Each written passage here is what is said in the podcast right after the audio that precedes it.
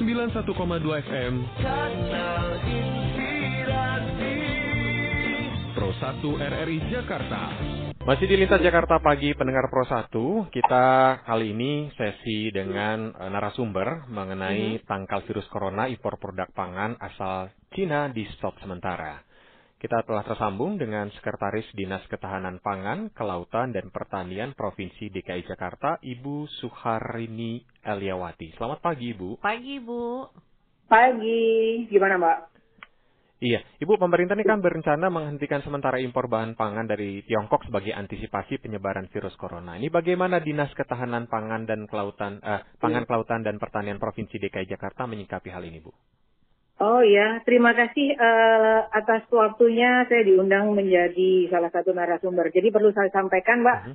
kalau di Pemprov DKI Jakarta dengan adanya eh, merebaknya virus, kami melakukan antisipasi adalah salah satu cara adalah dengan biosecurity untuk eh, lokasi-lokasi yang memang riskan terpapar oleh virus itu. Kalau tentang pemasukan eh, bahan pangannya itu sebenarnya kalau DKI Jakarta sebagian besar eh, dari Australia. Kalau uh, biosecurity itu yang seperti apa begitu, Bu? Oh ya, biosecurity itu adalah eh, membersihkan perilaku hidup sehat salah satunya dengan disinfektan itu menyemprot tempat-tempat eh, lokasi-lokasi usaha. Contohnya misalnya adalah di rumah potong hewan, rumah potong hewan unggas itu kami lakukan secara rutin. Tetapi itu tidak bisa untuk kita sendiri, tetapi kita memberikan pembelajaran ke para pelakunya Mhm. agar mereka dengan mandiri melakukan Ya.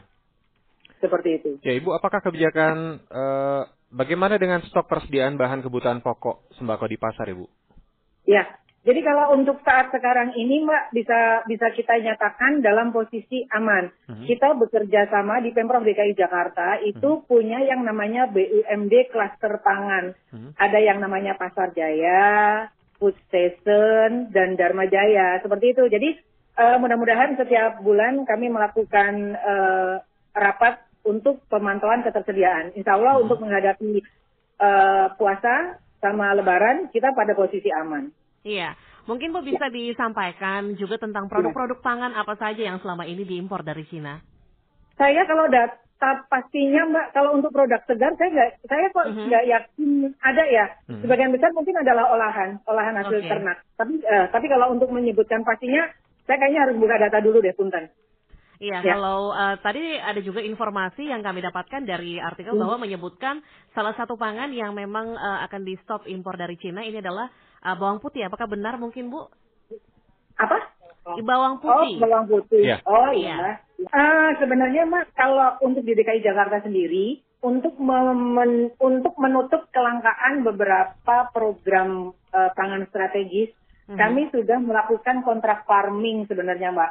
Contohnya di bawang putih sendiri kita melakukan kontrak farmingnya sendiri malah di eh, di Indonesia sendiri, nggak nggak nggak di luar. Oke. Seperti itu. Kontrak farming itu seperti apa, Ibu? Eh, jadi kontrak farming itu kita melakukan ikatan kerjasama dengan daerah sekitar kita agar pada saatnya mereka panen itu bisa dipastikan dijual kembali ke DKI Jakarta. Hmm. Contohnya untuk saat sekarang ini kita sudah melakukan dengan Kabupaten Wajo Sulawesi itu untuk pemenuhan kebutuhan cabai. Seperti itu. Jadi cabai di DKI Jakarta insya Allah nggak nggak nggak bergejolak harganya karena ada ada ada intervensi dari pemprov. Hmm, Ya. oke. Alternatif negara lain, Bu, yang dapat mengcover kebutuhan impor pangan kita ada, Bu? Eh, kalau alternatif lainnya, eh, kami mulai mensosialisasikan. Contohnya, eh, contohnya adalah untuk dulu, dulu itu kan eh, masyarakat maunya mengkonsumsi daging yang segar, dipotong langsung dikonsumsi. Nah saat sekarang ini Hmm. kita sudah mengalihkan mereka dengan eh, rantai dingin. Jadi itu sebenarnya lebih eh, kualitasnya lebih terjamin. Itu untuk untuk yang untuk eh, di peternakannya. Nah, kalau untuk pertaniannya, kami mulai mengajarkan masyarakat bagaimana ya mengkonsumsi atau mengolah cabai menjadi cabai kering yang yang bisa dipastikan kebutuhan gizinya juga sama. Mhm. Itu itu menjadi tantangan kita. Oke. Intervensi seperti apa ya Bu yang tadi Ibu sampaikan? Eh, intervensi maksudnya? Eh, tadi yang sempat Ibu sampaikan. Oh ya. Ada intervensi, ya. dari Pem- ya. Intervensi dari Pemprov DKI Jakarta Hmm. sendiri untuk mengatasi harga pangan. Mhm. Kami mempunyai yang namanya BUMD klaster pangan. Oke. Mhm. Itu di antaranya iya, Pasar Jaya, Dharma Mhm. Jaya, Food Station. Seperti itu, Mbak.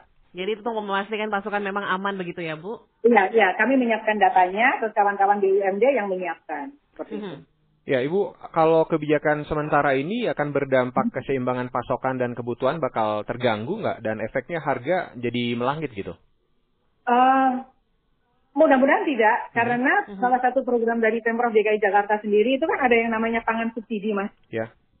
Iya, jadi eh, beberapa waktu yang lalu, lalu kayaknya kita sudah pernah ya diskusi tentang pangan subsidi. Aha. Untuk masyarakat masyarakat tertentu, sasaran-sasaran tertentu, kita memberikan subsidi pangan eh, untuk mereka sehingga kalau kebutuhan-kebutuhan mereka sudah terpenuhi, mudah-mudahan harga bisa kita tekan. Seperti itu. Hmm. Iya.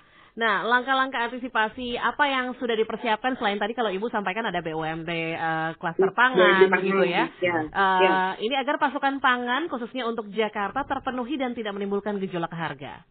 Iya. Jadi seperti tadi kita sampaikan, Mbak, se seoptimal mungkin kita akan melakukan kontrak farming dengan daerah-daerah produsen kami. Mhm. Seperti itu. Jadi memastikan hasil dari produksi mereka itu dijual di DKI Jakarta. Kemudian besok besok pagi banget kita akan mulai menurunkan kawan-kawan kita untuk jaminan keamanan pangannya itu ke pasar-pasar. Ya. Seperti Oke. itu. Itu jadi jadi tidak hanya harga yang kita Mhm. eh, yang kita pertahankan, tapi keamanan pangannya bahwa ba- eh, pangan yang beredar di DKI Jakarta itu Mhm. adalah pangan yang memang bebas dari bahan-bahan berbahaya. Iya, kalau yang tadi Ibu bilang sampaikan eh, yang memang sudah ada kontrak farming ini di Wajo mungkin Ya. ada juga yang sudah direncanakan begitu Bu untuk kontrak farming? Ada. Ada di kayak telur itu kan dari Mhm. Blitar, Mbak. Oh, telur Blitar, dari Blitar. oke. Iya. Beras Hmm. dari daerah sekitar sekitar Kerawang, Mhm. Subang seperti itu. Oke. Iya. Ya. Ibu, eh, di saat masyarakat ini cemas penyebaran virus corona, tidak menutup kemungkinan mafia pangan atau mungkin kartel justru memanfaatkannya untuk mengeruk keuntungan, Bu. Sudah adakah indikasi ke arah sana, Bu? ya, jadi eh, kami sendiri secara teknis, Mas, kami sendiri Mhm. eh, adalah dinas teknis.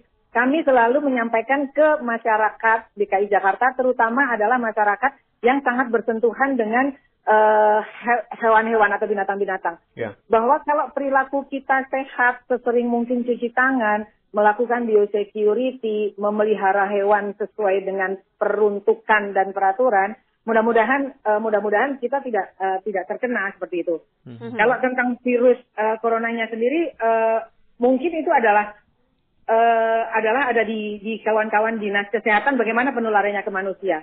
Tapi kalau dari kami sendiri adalah bagaimana menyadarkan masyarakat sendiri, Mhm. terutama adalah yang sangat bersinggungan dengan binatang, dengan eh, eh, para pelaku usaha kami Iya. seperti itu. Kalau ya. sejauh ini Bu koordinasi dengan seperti rumah potong hewan, ini terkait mengenai Iya. apakah ada karantina hewan begitu? Eh, kebetulan memang kalau eh, RPH itu memang ada di kami salah satunya. Karantina hewan, iya kami eh, kami selalu selalu melakukan koordinasi dengan Kementerian Pertanian. Kemudian kami juga melakukan koordinasi dengan eh, kawan-kawan Dharma Jaya sama Hmm. RPH RPH yang ada di bawah kami sendiri. Mhm. Ya, Bu, langkah-langkah apa yang harus dilakukan agar tidak terjadi praktek penimbungan pangan, Bu? Eh, kami kami setiap minggu mas setiap hari Kamis kami namanya adalah Kamisan itu Mhm. melakukan eh, melakukan rapat untuk koordinasi untuk hal tersebut itu di antaranya adalah eh, dihadiri oleh BI perwakilan DKI Jakarta kemudian kawan-kawan BUMD dari kementerian Kementerian Pertanian dan Kementerian Perdagangan seperti Mhm. itu Iya. Dan bagaimana Bu peran Satgas Pangan ya yang cukup strategis mencegah praktik penimbunan oleh importir nakal?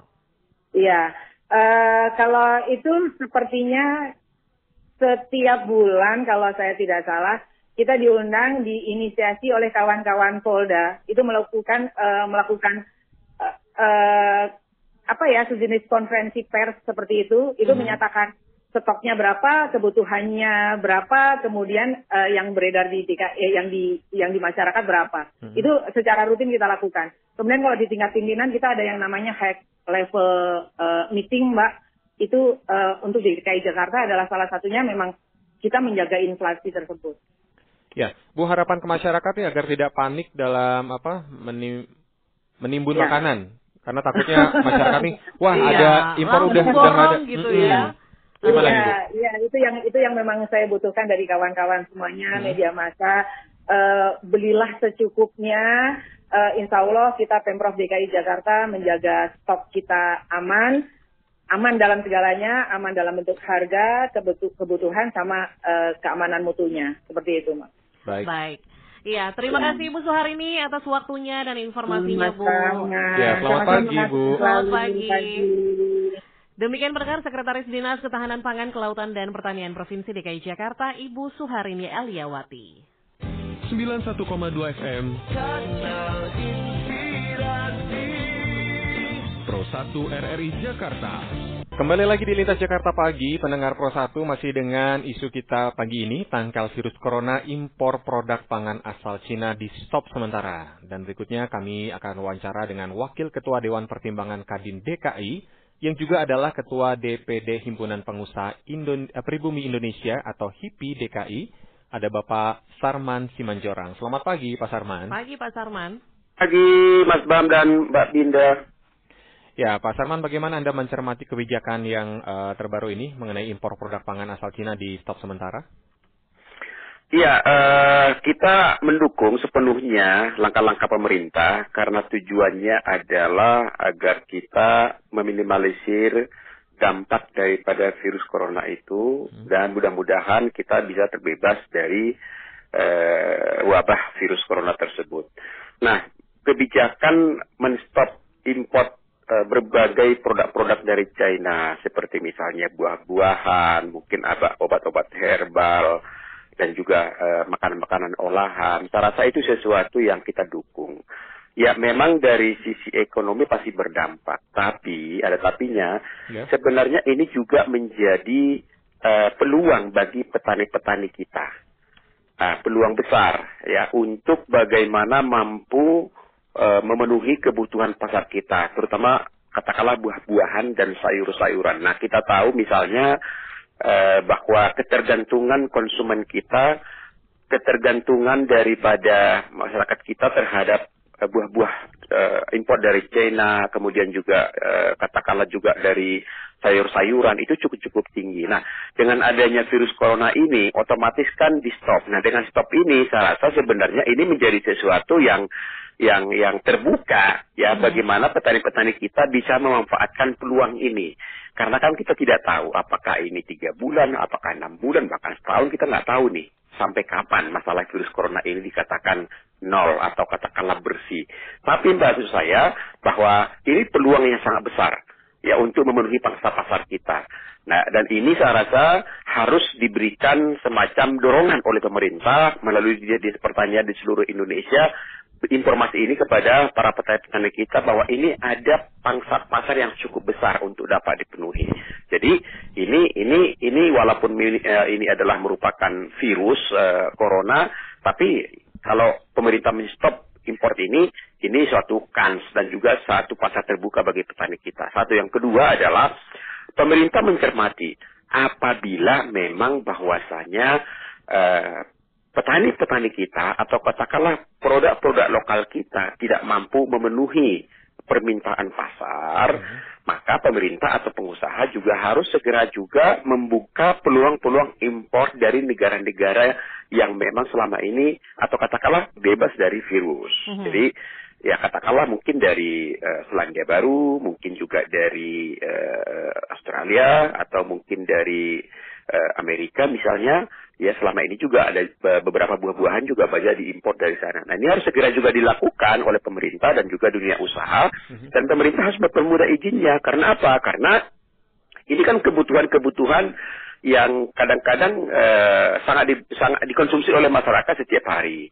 Bahkan industri-industri eh, usaha tertentu ini sangat tergantung katakan seperti hotel, restoran, misalnya yang namanya buah-buahan ini, sayur-sayuran ini ya ini eh, salah satu bahan baku utama mereka gitu. Jadi kalau sampai ini misalnya kosong atau katakanlah eh, demandnya tinggi tapi supply-nya juga eh, sedikit, nah ini kan takutnya nanti terjadi gejolak harga pasar. Nah ini harus segera juga diantisipasi uh, oleh pemerintah. Yang jelas bahwa kita dari dunia usaha ya mendukung penuh bahwa pemberhentian ini sesuatu yang harus dilakukan untuk menjaga supaya negara kita tidak tertular oleh virus corona tersebut. Gitu Mas Bam dan Mbak Binda. Iya. Bagaimana wabah virus corona ini bisa menjadi momentum pemberdayaan sumber daya alam kita yang kaya agar tidak terganggu dengan situasi negara lain, Pak? Ya, jadi memang begini ya. Uh, kita ini punya punya jumlah penduduk nomor lima terbesar di dunia. Jadi memang konsumsi kita kan sangat-sangat tinggi. Menurut hemat saya, ya, ini tugas kita bersama. Bagaimana agar kita mampu mendorong daripada para petani-petani kita di uh, uh, apa uh, hortikultura ini, ya sayur-sayuran, misalnya buah-buahan, yang selama ini Eh, masyarakat kita cukup tinggi mengkonsumsinya, itu bisa mampu disuplai oleh masyarakat kita, terutama adalah petani-petani lokal kita. Ini ini saya rasa menjadi PR kita bersama sehingga ke depan kita tidak lagi tergantung dengan impor.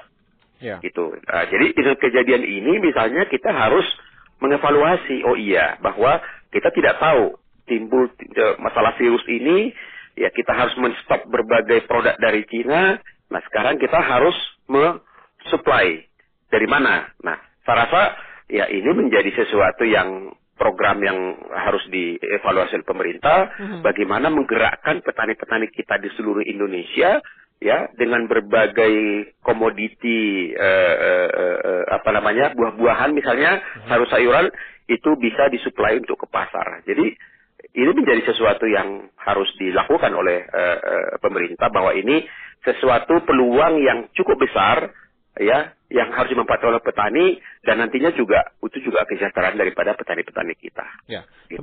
Sebetulnya seberapa serius Pak dampak virus corona ini pada kegiatan perdagangan import ekspor Indonesia Cina? Ya, saya rasa sih bukan hanya bukan hanya kita ya, bukan hanya Indonesia ya. Hmm. Seluruh di dunia juga melihat ini sangat-sangat serius. Makanya ya. uh, saya rasa bukan hanya Indonesia, yang namanya negara-negara uh, dunia juga jangankan buah-buahan ya sampai uh, apa uh, warga negara China juga dilarang untuk masuk. Sama dengan kita juga kan begitu ya, hmm. di mana wisatawan-wisatawan China, kemudian juga penerbangan juga di stop, kemudian juga tenaga kerja juga sementara di stop. Jadi ya ini kan berarti kan sangat-sangat serius ya, apalagi juga kan sudah ada juga uh, semacam uh, penelitian bahwa ini sesuatu yang membahayakan untuk kehidupan uh, uh, manusia. Jadi yeah. ya mau mau tidak mau ya dengan adanya uh, warning tersebut semua produk-produk, semua hubungan-hubungan langsung atau tidak langsung untuk sementara di stop nah. sampai dengan uh, dikatakan bahwa ini juga sudah sudah sudah sudah nol gitu loh. Jadi serius pasti serius. Dampak ekonomi pasti ada dampak ekonomi. Tapi di, di balik itu ya mungkin ada peluang-peluang yang harus kita bisa manfaatkan gitu. Baik. Iya, baik terima kasih Pak Sarman atas waktunya dan informasinya. Terima kasih Bu Dinda, Mas Bam. Selamat pagi Pak Selamat Sarman. Pagi. Selamat pagi, sukses selalu.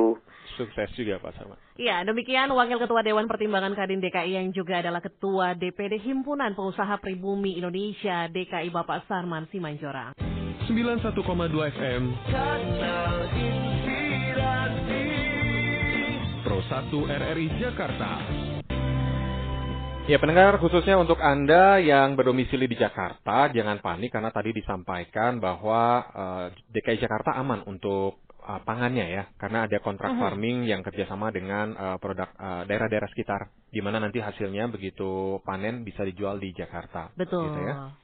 Oke, berikutnya kami akan wawancara kembali kali ini dengan Direktur Eksekutif Institute for Development of Economics and Finance atau INDEF dengan Bapak Tauhid Ahmad. Selamat pagi Pak Tauhid. Selamat pagi Pak Tauhid. Ya, Pak Tauhid, ini kan luar biasa sekali ya dampak virus corona secara global. Sampai-sampai pemerintah ini menghentikan sementara impor pangan dan produk dari Cina. Apa nih yang perlu kita cermati terkait hal ini, Pak Tauhid? Ya, saya kira betul. Saya kira semua negara cukup reaktif dengan situasi ini karena memang e, dampaknya sampai saat ini korbannya terus e, bertambah. Tidak hanya di Cina yang hampir mungkin lebih dari 400 orang meninggal, tapi juga hampir 26 negara sudah terinfeksi begitu. Dan terdekat adalah negara tangga kita di Malaysia ataupun Singapura. Nah, saya kira memang kalau lihat dampak globalnya itu eh, kita pengalaman tahun eh, 2003 dengan virus SARS itu cukup besar. Baik Mhm. paling besar pada saat itu karena waktu itu adalah dimulai di Hong Kong, maka memang yang paling besar dampaknya di Hong Kong. Yang kedua Cina. Kita juga terkena dampak. Tentu saja memang yang mulai kerasa ini paling tidak ada tiga sektor yang mulai kelihatan ya. Pertama tentu saja pariwisata. Kita lihat eh, di Bali, kemudian beberapa lokasi eh, termasuk Jogja dan sebagainya sudah mulai eh, tidak hanya travel warning, malah mulai eh, pemerintah mengeluarkan kebijakan untuk tidak eh, transportasi udara kita ke Cina itu dihentikan begitu. Nah, dampak ke pariwisata apa? Da- Dalam eh, catatan eh, BPS selama tahun 2018 dan 2019 saya kira tidak hampir sama, itu eh, rata-rata setahun dalam beberapa tahun terakhir ini hampir 2 juta eh, turis dari eh, Cina ke Indonesia dan itu termasuk terbesar karena total eh, wisatawan mancanegara kita sekitar 15 juta dan 2 juta itu berasal dari Cina. Kalau melihat eh, pengalaman tahun 2003 eh, datanya sendiri eh, itu hampir kurang lebih eh, kalau eh, bisa berlangsung 2 sampai 3 bulan atau 4 bulan dan setelah itu aman katakanlah maka eh, pengalaman 2003 itu menunjukkan hampir penurunan eh, turis itu bisa sampai 50 persen artinya kita punya peluang nanti kehilangan wisatawan dari Cina mungkin sekitar kurang lebih satu juta kalau ini tidak ditangani dengan cepat begitu. Tahun ini ya maksudnya ya? Iya, punya Oke. peluang bahwa ini saja kan eh, sebulan rata-rata eh, ambil sekitar 100 sampai 150 ribu turis wisatawan dari Cina. Tapi rupanya ini tidak hanya turis dari Cina, tapi kawasan ASEAN maupun eh, wilayah-wilayah atau negara-negara Eropa lain yang akan mendatangi eh, wilayah Asia juga mencoba untuk menahan tidak melakukan eh, bepergian ke negara-negara suspek atau negara yang sudah terkena begitu. Nah, Ya. Iya. itu baru dari pariwisata, belum perdagangan atau di sektor keuangan begitu. Nah, kalau Nah. untuk di perdagangan begitu Pak, Cina kan sebagai mitra dagang terbesar Indonesia. Nah, ini Betul. langkah-langkah apa selanjutnya yang bisa diantisipasi dari moratorium impor Cina? Ya, saya kira betul. Bahwa memang eh, terutama begini, memang kalau saya lihat eh, pemerintah juga harus me- mendeklar impor apa saja yang eh, tanda kutip ya memang dibatasi atau tidak sama sekali. Mungkin yang sangat sensitif adalah impor yang berkaitan dengan produk hortikultura eh, seperti buah-buahan, sayuran, eh, kemudian apa produk hewan juga yang saya kira sangat sensitif berasal dari apa namanya dari Cina itu besar. Nah, tetapi memang pemerintah harus menyiapkan alternatif negara lain yang dapat mengimpor bisa diimpor katakanlah produk-produk eh, hortikultura kalau bisa tidak bisa diimpor maka bisa didatangkan sementara ini dari eh, New Zealand ataupun Australia yang memang punya kesamaan produk yang sama. Tetapi misalnya memang ada yang terpaksa harus kita eh, im- tetap melakukan impor dari Cina dan itu harus ketat. Misalnya saja bawang putih. Mhm. Hampir eh, kita 600 eh, ribu ton kebutuhan eh, bawang putih kita itu kan eh, berasal eh, eh, apa 95% itu impor Mhm. dan mayoritas itu adalah dari Cina. Nah, produksi di Cina kurang lebih 21 juta ton per tahun. Nah, negara lain itu paling tinggi hanya satu juta ton. Jadi kita tidak bisa menolak impor dari Cina, memang tapi hanya butuh eh, apa pengawasan yang ketat apakah produk-produk tersebut memang bisa diimpor dan pemeriksaan yang cukup ketat. Itu hanya dari kalau tidak maka ya nanti di dalam negeri harganya eh, mulai naik begitu. Kemarin sempat 38 ribu misalnya untuk bawang putih, sekarang sudah mulai bergerak naik karena dengan alasan eh, apa namanya agak ditahan eh, impor itu dari negara sana dan ada kesulitan dan juga mungkin eh, perlu diawasi oleh pemerintah ada penimbunan dan sebagainya terutama produk-produk kebutuhan pokok yang diimpor dari Cina begitu Mbak. Ya, kalau secara keseluruhan seberapa besar dampak virus corona ke ekonomi Indonesia, Pak? Ya, ini memang harus dilakukan eh, perhitungan ya. Eh, umumnya perhitungan setelah kejadiannya selesai.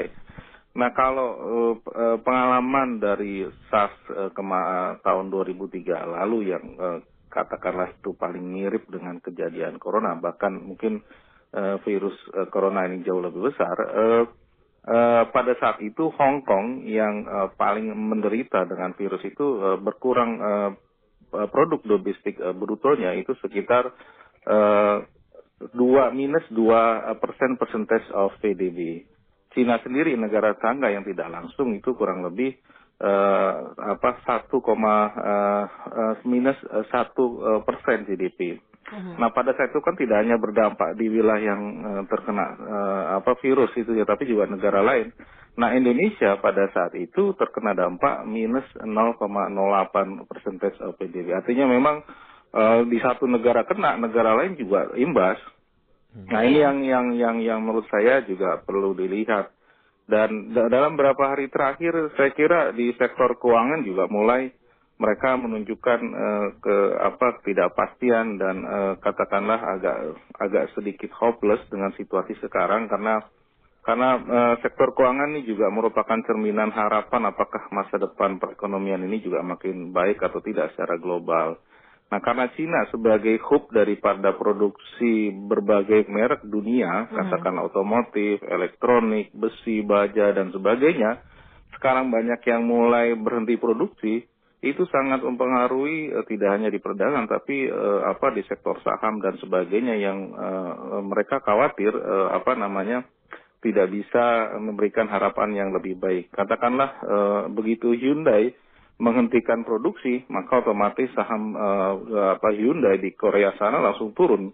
Mm-hmm. Begitu karena tentu saja tidak ada harapan bahwa tahun ini keuntungannya jauh lebih besar dibandingkan tahunan lalu. Begitu pula dengan industri-industri lain ya udah mulai ketar-ketir yang katakanlah memang base produksinya di Cina maupun negara lain yang menyuplai uh, bahan baku, material, komponen ke Cina yang tentu saja ini berdampak termasuk mungkin bagi Indonesia. Iya. Jadi dalam kondisi ini memang tidak bisa luput dari inflasi di Indonesia begitu, Pak? Betul, betul, betul. Nah ini saya kira uh, perlu diperhatikan implikasi dan langkah-langkah strategis bagi pemerintah melihat. Karena memang kalau kita lihat ya, uh, Cina itu mitra dagang utama kita terbesar baik ekspor dan impor. Untuk di tahun 2019 uh, eh, saja ekspor kita, uh, peranan ekspor kita dalam uh, ke negeri Cina sekitar 15 persen. Namun impornya jauh lebih tinggi sekitar 29 persen. Jadi kalau negara basis ekonomi mitra kita terserang, dampaknya itu yang menurut saya luar biasa nanti dalam hmm. beberapa bulan uh, ke depan begitu, Mbak. Ya. Apakah itu artinya akan ada koreksi pertumbuhan ekonomi Indonesia di level 5%, ya, Pak? Saya kira iya. Eh, prediksi kemarin ya, itu mungkin uh, eh, 2019 itu uh, apa katakanlah uh, kita ke, uh, kalau hari ini diumumkan nanti jam 12 oleh BPS pertumbuhan tahun 2019 perkiraan uh, hitungan sementara itu sekitar 504 sampai 505. Kami menduga di 2020 ini uh, justru akan terkoreksi lagi begitu. Ya. Kemarin ada sempat harapan karena uh, perbaikan di Amerika dan sebagainya, tapi karena yang kena ini adalah Cina, otomatis dampak globalnya cukup besar. Ya akan sedikit menurun dari angka 2019, tetapi itu masih uh, relatif baik begitu dibandingkan uh, mungkin situasi negara lain begitu, Mas. Iya. Dan, iya, Pak. Ini belajar dari kasus SARS ya. Kalau kita hmm. masih ingat itu kan ada kurun waktu dalam waktu 9 bulan begitu. Ya Nah, betul, betul. ini uh, terkait mengenai wabah corona yang belum ada vaksinnya dan itu artinya hmm. belum jelas berapa lama ya. Butuh betul, waktu betul. untuk pemulihan ekonomi global yang akan berdampak ke Indonesia. Kira-kira butuh waktu berapa lama, Pak? Ya, kalau ngeliat uh, pengalaman memang dampak uh, virus ini tidak cepat di uh, ini ya. Itu minimal setahun atau satu sampai dua tahun baru bisa comeback begitu ya. Hmm. Kalau ngeliat data dari uh, perdagangan, pariwisata dan sebagainya saya ngeliat growth-nya beberapa uh, apa bahan begitu hmm. itu baru comeback growth-nya itu sekitar 1 sampai 2 tahun setelah uh, virus itu selesai ditangani begitu. Jadi tidak sampai memang lima tahun itu cepat begitu asalkan memang negara yang terkena ini cepat melakukan recovery dari berbagai sektor terutama tentu saja dari sektor uh, kesehatan yang harus diperbaiki baru dari kesehatan beres baru bisa memperbaiki kondisi ekonomi yang lain begitu. Ya, Pak, uh, optimis upaya yang bisa dilakukan oleh pemerintah, uh, segimana optimis ya Pak? Ya, pertama tentu saja uh, ini ya ada berbagai. Kalau dari kesehatan saya kira sudah benar dilakukan proses dan sebagai proses evakuasi dan sebagainya saya kira sudah betul.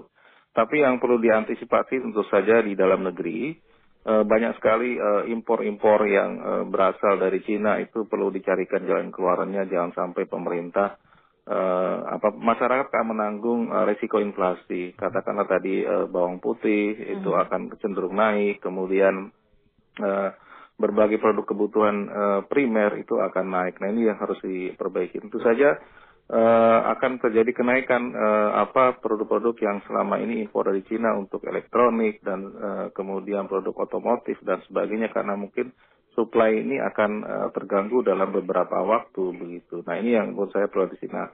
Saya kira pemerintah perlu ada operasi pasar terutama untuk kebutuhan uh, bahan pangan pokok itu yang pertama. Yang kedua, pemerintah berusaha mencari sumber-sumber uh, apa namanya impor dari negara lain yang memang uh, bebas ataupun terbe- uh, bebas dari virus ini sehingga memang ada substitusi pengganti. Nah itu agar dampak ke masyarakat tidak perlu apa namanya tidak terlalu besar. Yang ketiga terutama dari sektor pariwisata. Ini kan uh, turunnya katakanlah uh, turunnya katakanlah turunnya wisatawan dari Cina tentu saja memukul pariwisata kita besar. Mungkin kalau hari ini ke Bali itu sekarang dampaknya juga mulai terasa begitu. Mhm. Nah, saya kira travel warning dan sebagainya terutama sektor transportasi kalau memang ya situasi saat ini memang saya kira tepat pemerintah me- menunda untuk pe- transportasi pesawat untuk ditutup sementara tapi Mhm. jangan terlalu lama begitu. Kalau memang Iya. sudah kondisi mulai turun seharusnya sudah mulai dibuka penerbangan karena itu menutup pariwisata kita juga pada Mhm. akhirnya begitu. Baik, nah ini terkait bahasan Omnibus Law yang sedang ramai dibicarakan. Apa yang harus Ya. eh, dilakukan agar pertumbuhan perekonomian Indonesia sesuai dengan target APBN 2020? Ya betul. Eh, memang kalau omnibus law ini kan eh, pada dasarnya kan mempercepat eh, investasi eh, apa domestik maupun asing masuk kita lebih cepat begitu.